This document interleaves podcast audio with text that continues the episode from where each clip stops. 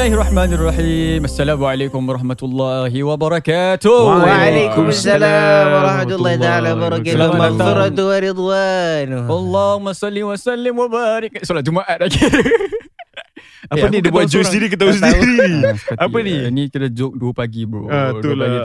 Time check sahur, It's 2.06 Sahur Ada satu Aku ada tahu satu, Sahur Sahur Kau Ustaz tahu satu Ada satu Indonesian ni Dia pakai Kat TikTok kan ni? ah, Dekat TikTok Habis dia pakai lipstick Habis dia Sahur Eh, kau boleh try buat bro. Kau viral.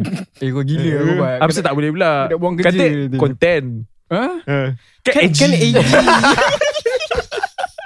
Bodoh lah Tak boleh bro Nanti orang kecam Mana boleh dress up Ah, Betul Macam betul. ni Hmm. Kan dosa Ah, Ramadan okay, okay. Teruskan. Yang tak dosa Kalau kita infakkan harta kita Untuk Madrasah Nur. Insan Allah. uh, bulan Ramadan ni adalah satu bulan yang terbaik untuk kita keluarkan menghulurkan duit kita untuk adik-adik kita, abang-abang, kakak-kakak yang belajar di Madrasah Nur Insan. Bantu asatizah dekat sana bro. Sebab InsyaAllah. asatizah memanglah buat kerja ikhlas tapi Betul. macam dorang pun nak kena bayar duit transport dorang. Kan mungkin ada yang dah ada family kita kena bayar. Kita membantu lah. Kita Ringankan membantu. beban dorang. Exactly. And pelajar dorang dekat Nur Insan makin hari makin ramai. Betul. And then pelajar mungkin asatizah pun macam tak ramai. Jadi Hmm. kita perlukan sumbangan lebih untuk pelajar-pelajar ni. Ya betul bro. Kalau ingin maklumat lebih lanjut, sila lungsuri ke laman www.nju.sg/donate. Alright guys. Oi. On to the show. Let's go. Yeah.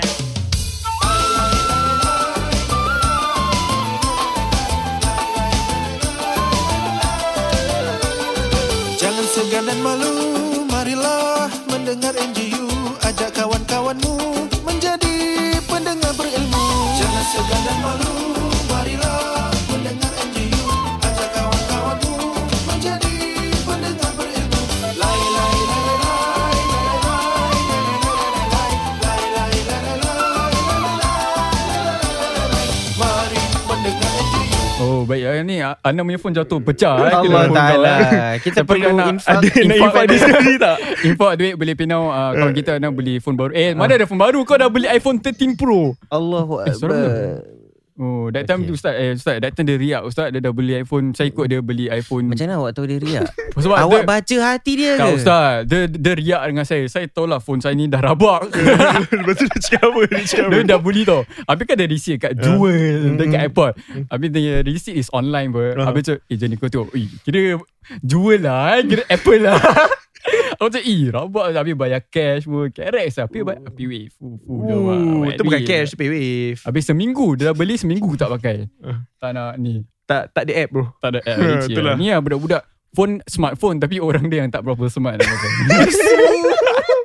Eh kadang aku gitu tau. Macam Ada orang-orang tua Macam pakai phone. Ah, Tak apa tak apa Nanti kena cancel pula lah Aku cakap ini gini tu main shoot member. Aduh. Ya Ustaz kita jam tu Soalan kita lah. Ramadan ketawa-ketawa Tak bagus lah eh. Astagfirullah. Gelap Apa yang gelap hati. Allah. Biasa Eh. kata. Ustaz judge saya eh Hati saya gelap Saya tak kata hati awak. Oh okay Teruskan. Okay Soalan ni datang daripada Ich Mochi Maaf eh aku tak tahu how to pronounce your name ah. Ni IC Mochi ke Ik Mochi Tengok. uh, Ich Mochi It's mochi lah. Ah. Mochi. Dia tanya dekat sini Nak khatam Quran bulan Ramadan Tapi saya struggle sangat Sebab habis sekolah pukul 2.30 hmm? Tak ada masa untuk khatamkan Quran Jadi maksud dia Dia nak khatam Quran Ustaz Tapi dia rasa macam Habis sekolah lambat Maybe ada remedial Ada CCA Tak tak ada masa lah Untuk khatam Quran Jadi Ada, ada tips tak Ustaz? ah, Macam mana kita nak khatam ke Eh, eh. Uh, uh, uh. Oh, yo. Oh, kecoh kejap. Bulan Ramadan eh Kasih main sikit, main sikit. Boleh ke? Hmm. Eh, eh, Eh, eh, macam-macam Eh, lagu. tak apa, tak jadi. Itu lagu sahur Ustaz eh? Okay, Hmm, style lah Oh ni Masih. Zah punya Zah Datang orang letak kat sini okay Ustaz. Ada tips-tips tak untuk kita kalau sekiranya kalau kita nak khatam Al- Al-Quran hmm. tepat pada masa uh, akhirnya uh, Ramadan? Satu bulan Hmm. Okey. Possible lah Bismillah. Okey, pertama dan utama sekali eh, kita nak ingatkan Hmm. kenapa kita dianjurkan untuk mengkhatamkan Al-Quran kerana pada bulan Ramadan ni hmm. diturunkan Al-Quran kepada Nabi Muhammad Sallallahu alaihi wasallam. Jadi bulan ini kita patutlah kita maximize sebanyak mungkin yang kita boleh Allah. untuk membaca Al-Quran sebanyak mungkin. Tu pasal orang cuba Hmm, untuk hmm, khatam lah. hmm. Eh? Suara tadi sedap eh Ustaz eh? Sedap eh suara tu Sedap. Okey, okey. okay. Jadi tu pasal kalau kita ikut logik pun, kalau kita boleh khatam banyak kali, Hmm. maksudnya kita berapa banyak kali dah baca setiap huruf tu 10. Allah Bayangkan. Allah. hmm. Berapa banyak lah dia berapa banyak kali berapa banyak dia punya Ustaz words. tak commit lah Ustaz Kejap Kejap sini. ada. pasal pasal pasal maths ni terus macam Terfikir kejap eh Ah, ah, Terfikir terfikir dia Hmm. nombor besar sangat. Ah. Hmm. Hmm. Jadi itu yes memang kita dianjurkan untuk khatam sebanyak mungkin. Hmm. Tetapi Hmm. like we said lah kita ikut kemampuan masing-masing. Ada Hmm. orang kan dia punya rate of membaca laju, ada Hmm. orang tak. Jadi tak apa kita ikut kita punya pace lah. Tak semestinya kita tak khatam Quran dalam bulan Ramadan tu kita berdosa. Hmm. Ah, tapi yang patut kita nak tu this keinginan untuk baca Quran ni sampai lepas Ramadan masih tetap ada. Hmm. Itu yang kita nak. Ustaz tadi dekat atas kita ada bincang pasal the tips kan Macam El kita ada tips. berapa banyak uh, page ataupun juzuk 600 Okey, kita ada 600. Betul Page. lah Sunul. 600 page Yes. Also kita ada 600 page Page eh 600 page on Macam mana kita nak divide All those pages Within a month Untuk kita habiskan Okey, dengan menggunakan mathematics. Okey, Okey. 600 kita Allahu Akbar. Okay 600 Kenapa Ustaz ni Apa yang Ustaz ketawa Ustaz dia ada macam Personality split kejap tadi uh, Ah. Saya rasa Commit Ustaz Okay. Commit commit Okey, Hmm. komit. Bismillah. Okey. Jadi dalam sebulan kita ada 30 hari. Okay Kalau 600 divide by 30, hmm. okey kita dapat 20. So nak saya bukakan calculator 20. tak Ustaz Jadi actually simple lah actually. Satu hari satu juz. Pasal memang ada 30 Oh. juzuk dalam Al-Quran. Satu juz berapa banyak page Satu juz adalah 20 page. 20 Jadi kalau pages. kita pecahkan kepada waktu-waktu solat, kita ada 5 Five. waktu solat. hmm. 20 divided by 5 is 4. Fuh, That means setiap waktu solat Four kalau, page ah, each ni kalau kita nak cubalah Hmm. untuk khatam dalam itu kalau nak stick to a standard punya kita baca empat Ah, maybe sebelum solat dua, lepas solat dua, Hmm. atau maybe lepas solat baca empat sekaligus. hmm. Ah, tapi that is the plan lah. I Hmm. would say if you want to khatam sekali dalam dalam dalam sebulan Ramadan. Habis kalau Ustaz macam uh, kita kawan kita ni Dia ada yang sahabat kita ni Dia cakap Ah, Dia nak baca Hmm. Tapi pasal dia punya waktu sekolah dia Mungkin lama Atau dia Hmm. ada banyak-banyak aktiviti selepas sekolah Hmm. Macam mana pula Macam, Ustaz- macam saya Ustaz Hmm. Maaf eh sila. Macam saya uh, Dulu kita Saya cuba nak belajar I nak orang kata nak nak nak usahakan lah kata Hmm. Al-Quran. So macam dia macam ustaz tadi cakap setiap waktu empat uh, Hmm. empat page kan. empat page. Lepas tu nanti macam rasa berat. Okay. Ah lepas tu nanti kita uh, okey tak apa nanti uh, waktu uh, waktu nextnya kita kita tambah Ah, lagi empat. ya, ya, ya, Ah ya, lepas tu ya. dia tambah ke tambah sampai tak tak buat terus ustaz. Itu saya Ustaz Ah. So, macam mana ustaz? Kira macam uh, Saya habis sekolah lambat Habis saya cakap ya, Zohor first game Asal baru aku Baca 4 page Nanti lagi 4 aku Campurkan sekali hmm. Dah asal campur nak macam Okay nanti maghrib Aku baca tambah 8 Ah, Dah baik gitu Dah Ramadan dah habis Saya tak khatam Quran terus zero. Ah, Terus tak terbaca terus Habis lepas Ramadan baca tak?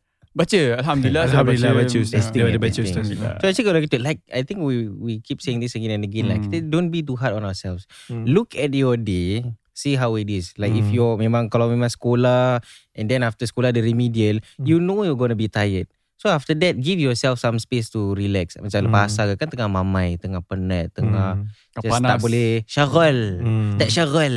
Otak Eh? tak boleh function Jadi okay kita rehat and then lepas dah buka ada energy sikit then we set aside lepas maghrib it's okay Mhm. one day one time of the day boleh baca how how how many pages can you read two four tak apa Mhm. then just keep doing that every single day Hmm. tak khatam like I said tak khatam dalam bulan Quran Hmm. tak mengapa tapi kita Hmm. teruskan Hmm. lepas bulan Ramadan Is it okay kalau saya kata macam bagi siapa yang baca Quran mungkin dal- merangka tak baca laju, is it okay if I say macam um, planning to khatam Quran this year dalam keadaan baca Quran slow is unrealistic for you? Is it okay ataupun ikut rates masing-masing? Sebab kalau kita dah baca lambat, 4 page kira banyak tau. Hmm. Ah, True lah, true so, enough so lah. macam tak realistic lah kalau gitu. So I don't think khatam is the the it's a realistic apa ni? Ikut masing-masing Ah, dia ikut Eh, masing-masing. See. Tak semua orang mungkin untuk mungkin untuk kita mungkin Hmm. lambat sikit lah. Tapi ada orang yang dia bila dia, dia baca Al-Quran mungkin Hmm. dia fasil lepas tu dia boleh baca cepat. Hmm. Dia tak tahu. Mm-mm. Uh, so ini I think it follows on the rate of the individual itself. Hmm. Yeah. Sebab kadang-kadang pun Hmm. orang yang maybe mungkin cara uh, dia bacaannya lambat kan Mm-mm. sometimes they put in more effort. Wow. Ha, and if you think logically kan macam eh tak sempat ada ni tapi actually dia boleh habis.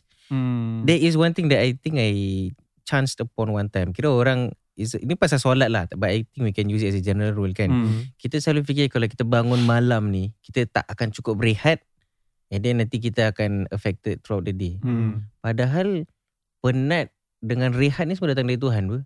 Energi kita datang dari Tuhan. Betul. Tapi kita fikir logically, kita fikir kita punya energy macam macam mana kita nampak kita punya phone lah 100%. Hmm. So kalau kita rasa logically kalau kita cukup 8 hours rest kan, Hmm. ah tak boleh lah. Ah so kita kedepankan kita punya own bodily needs Hmm. over what our spirituality needs. Hmm. Ah so actually Dia kena ada balance. tak kena balance. Yeah. Sometimes pun like I think Jani shared in the previous punya podcast is that sometimes kita kena lawan kita punya nafsu. Dia kata Hmm. tak nak kita Buat je. buat je. Hmm. Push uh, a bit of a push lah every single time. Hmm. Push a bit more than you can. Push your limits. Hmm. Bagi saya pula Since kita tengah cakap pasal khatam ni kan Saya ada macam rasa my, This is my own perspective About khatamkan Quran eh. Hmm. Kadang bila orang baca Quran Nak khatam Quran Hmm. They don't focus on What they read Hmm. Instead they focus on the number of the page Kira macam Hmm. ada lah Ada ada 30 juzuk kan Hmm. After first juzuk dah habis Yes lah 29 more juzuk Habis-habis Hmm. Nanti kita rasa macam Baca Quran ni Lepas dah habis Terasa beban Hmm. When actually um, Quran ni merupakan satu surat cinta dari Allah tau. Hmm. Kita kalau dapat surat cinta from our loved Love ones, letter. uh, kau pernah dapat love letter? Hmm. Eh? Tak, tak Uh, ada, personal tak ada. questions please. Oh, Okay. tak. Dapat dapat surat dari mak aku lah Masih masuk NS Oh, Okay, okay, macam example lah tu. Ah. Uh, Imagine macam mak kau tulis one Hmm. whole page for you, Hmm. just for you. Hmm. Kau lebih suka one page ataupun two page mak kau tulis untuk kau? Dua Hmm. page kan? Hmm. Lebih banyak rasa macam sweet kan? Hmm. And then bila kita dah habis baca, bila macam dah habis, kita akan baca again, baca again. Hmm. Macam itu juga lah dengan Quran. Bila kita baca Quran, sepatutnya bila kita dah khatam Quran tu, kita macam ada, kita kena ada this feeling of macam, eh dah habis, macam tak cukup. Hmm. Kata-kata Allah dalam hidup kita itulah definition Quran. Quran tu adalah surat cinta dari Hmm. Allah. Sepatutnya kita macam macam kau tadi it's not a it's not a apa? It's not a, mar- uh, it's, not a race, it's a marathon. it's a marathon. You Yeah. you should enjoy the the journey of reading Mhm. Quran. Maksud bila kita baca Quran tu Mhm. kita menghayati bacaan Quran. Hmm. Kita do some research about that. Hmm. So itu that's my my persepsi Tapi lah to to counter that also Ah. Let's just say kalau dia cakap dia dah habis Lepas tu Hmm. dia rasa macam dia tak puas You can always start step back again Betul. Yeah, you Aku uh, betul lah. I think ada kelebihan khatam Uh, Quran yeah. macam dah rasa dah baca the Yeah. whole book kan. If if let's just say the whole the whole objective yang dia nak dia nak Hmm. khatam Al- Al-Quran Hmm. habis dia dah habis mungkin dia tak rasa puas macam kau cakap tadi dia Hmm. tak mungkin dia tak menghayati apa yang dia baca dia tak memahami hmm. then selalunya dia boleh always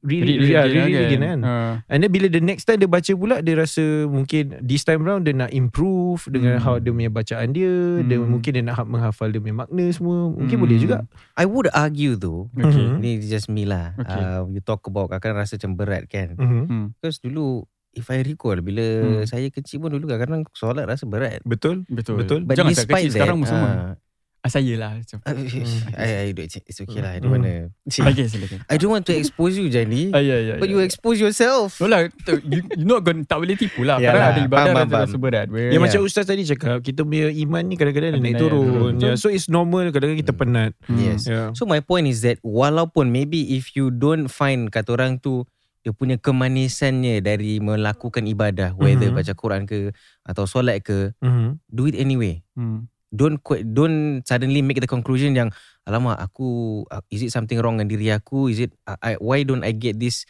Feeling. sweetness of faith. Oh, Hmm. okay, faham. So do it anyway tak apa. Hmm. Dengan walaupun uh, perit ke apa pun the fact that you still do it Allah will reward you for that. Wow, Hmm. Uh, so you uh, this is another perspective lah. Hmm. Sebab kalau kita nak tunggu, tunggu semua orang reach that level of spirituality yang oh I'm gonna do all this because I love it. It's a Yeah. love letter from Allah. Hmm. Or this is you know I Okay, just want to talk to my Lord. Some people are not at that level. Correct. Eh, correct. eh, it's tak apa. We are all on a journey, and that's that's the beautiful thing pasal Ramadan. Kita semua Hmm. masuk at different points, Peace. but Oh, at the okay. end of it, we each of us want to be better than who we were. Kita tak compare diri kita dengan orang lain. Betul, Hmm, Just betul. it's just us versus us. Hmm. Ah, so as long as there is improvement dengan diri kita, teruskan. Masya Allah kita doakan. Wow, I think that is really good. Sebab Yeah, yeah, kita so focus on the number. For example, number of rakaat kita solat time tahajud. Oh, aku semalam tahajud 8 rakaat tahajud. Kita Hmm. rasa tu macam benda yang hebat. Sedangkan, sedangkan kita tak tahu mungkin ada orang solat tahajud 2 rakaat tapi 2 rakaat tu dia betul-betul Lagi bermakna. dia Pasal lebih benda ni bermakna. tak berni, kita tak boleh nilai. Betul. Betul tak? Uh, Pasal ini semua Allah SWT je yang boleh nilaikan kan? yes bro. Yeah. InsyaAllah. Kita ada masa tak Heidi? Ada ada. Ada masa eh Ah. untuk one more question Mm, eh. mm. Ada okay. Soalan seterusnya datang daripada Ryan Shazali. Hey. Soalan ni berkaitan dengan waktu sahur eh Ustaz eh. Dia tanya Salam Menjeyo Waalaikumsalam. Aku confused on bila dekat time for sahur Mhm. Ada orang kata azan mula je maksud kena stop sahur Ada juga orang kata lepas dah habis azan Hmm. baru stop sahur So mana satu? Ha, maksudnya Okey. time, time sahur ni dia tak tahu lah Okay Ustaz saya nak cuba Okey, jawab Ashnul, Okey, tap Saya in, cuba Saya cuba Ustaz Dola Ah. Ustaz Hassan. Ustaz Ah, Ustaz eh, Ashnul. Tak tak bukan Ustaz Okey, Ah, silakan. Uh, apa yang saya belajar Ustaz Hmm. Waktu imsak ni adalah satu Macam yo. is satu peringatan untuk kita supaya- Pasal masa dah de- nak dekat dengan waktu hmm. So bila uh, wa- Waktu untuk kita berhenti sahur adalah Waktu bila azan berkumandang Adalah itu betul? Adakah Betul. itu betul? Allah. Okey, jadi true Adakah itu Ashnul betul? cakap. Jadi sebab azan itu is the marker for when uh, adalah petanda lah masuknya waktu example zuhur lah. Tahu kalau azan zuhur dah start Allah, then dah masuk waktu zuhur. Betul betul That's why macam bila kita let's say kalau kita in a rush nak keluar pergi sekolah ke apa Hmm. bus 5 minit Hmm. once dah masuk waktu tu you can terus start solat. Hmm. Ah that means kalau with regards to puasa kan that means once you kalau dah tengah makan tu dengan Allah Dah ah, kena keluarkan dah. keluarkan Ya, lah. betul. Ah, mungkin rezeki makan tak sampai Hmm. And kalau sorry Ustaz. Kalau kita fikir analogi pasal bila waktu untuk stop sahur kan. Hmm. Kalau kita tengok time buka puasa, kita buka bila azan tu dah habis ke kita buka bila masuk waktu azan baru kita buka. Bila azan tu dah start kita Hmm. buka kan. So bagi aku sama macam sahur. Hmm. Once dah azan itu merupakan tanda waktu sahur tu dah kena stop lah, dah kena Betul, stop betul. makan. Ya. Sebab Ustaz, dulu saya pernah sahur dengan member saya dekat ni waktu dulu Members. dekat COVID eh, dekat COVID dekat Malaysia Ustaz. Kita tengah sahur sahur sahur sahur. Jauh je. Sahur sahur sahur tiba-tiba azan. So saya stop lah makan. Lepas tu dia continue minum. Tak apa bro. Ni orang kata lepas azan baru kita stop. Eh, Oh, Oh, dia ya kata ke? ustaz dia cakap gitu. Macam Eh. mana tak ada dapat apa Hmm. hadis tak Hmm. tahu. Mungkin lah. dia tak tahu masuk Ah, masuk yelah, yelah. Jadi tu. so your uh, ustaz punya jawapan adalah Hmm. once masuk waktu uh, subuh Once azan tu maksudnya dah wak- masuk waktu lah. Hmm. Hmm. Tapi bagi saya Ustaz The best time untuk stop is imsak ah. Bagi Hmm. Sebab kita selalu kalau sahur minum air banyak kan Minum Yeah. teh ke makan banyak Habis perut kita senak Hmm. So bila perut kita senak Nak solat subuh tu Hmm. Rasa macam senak tau Tak Hmm. ada time untuk digest Hmm. whatsoever. So kalau kita stop 10 minutes before sahur At least Hmm. kita bagi perut kita some time untuk Digest the food Hmm. Kita dah kasih space masa tu kan Ample untuk, time lah. ah, untuk ample So, time solat before kita pun lebih- solat. Betul betul. Lebih fokus lah Hmm. Lebih, yeah. Lebih fokus Lebih syaral. Lebih syarat Masih. Masya Allah Terima kasih uh, Dan podcast ini Dibawakan khas kepada anda Oleh uh, Rakan-rakan kami ya Rakan-rakan kami di Madrasah Nur Insan. Ini merupakan satu madrasah Yang percuma bagi pelajar-pelajar.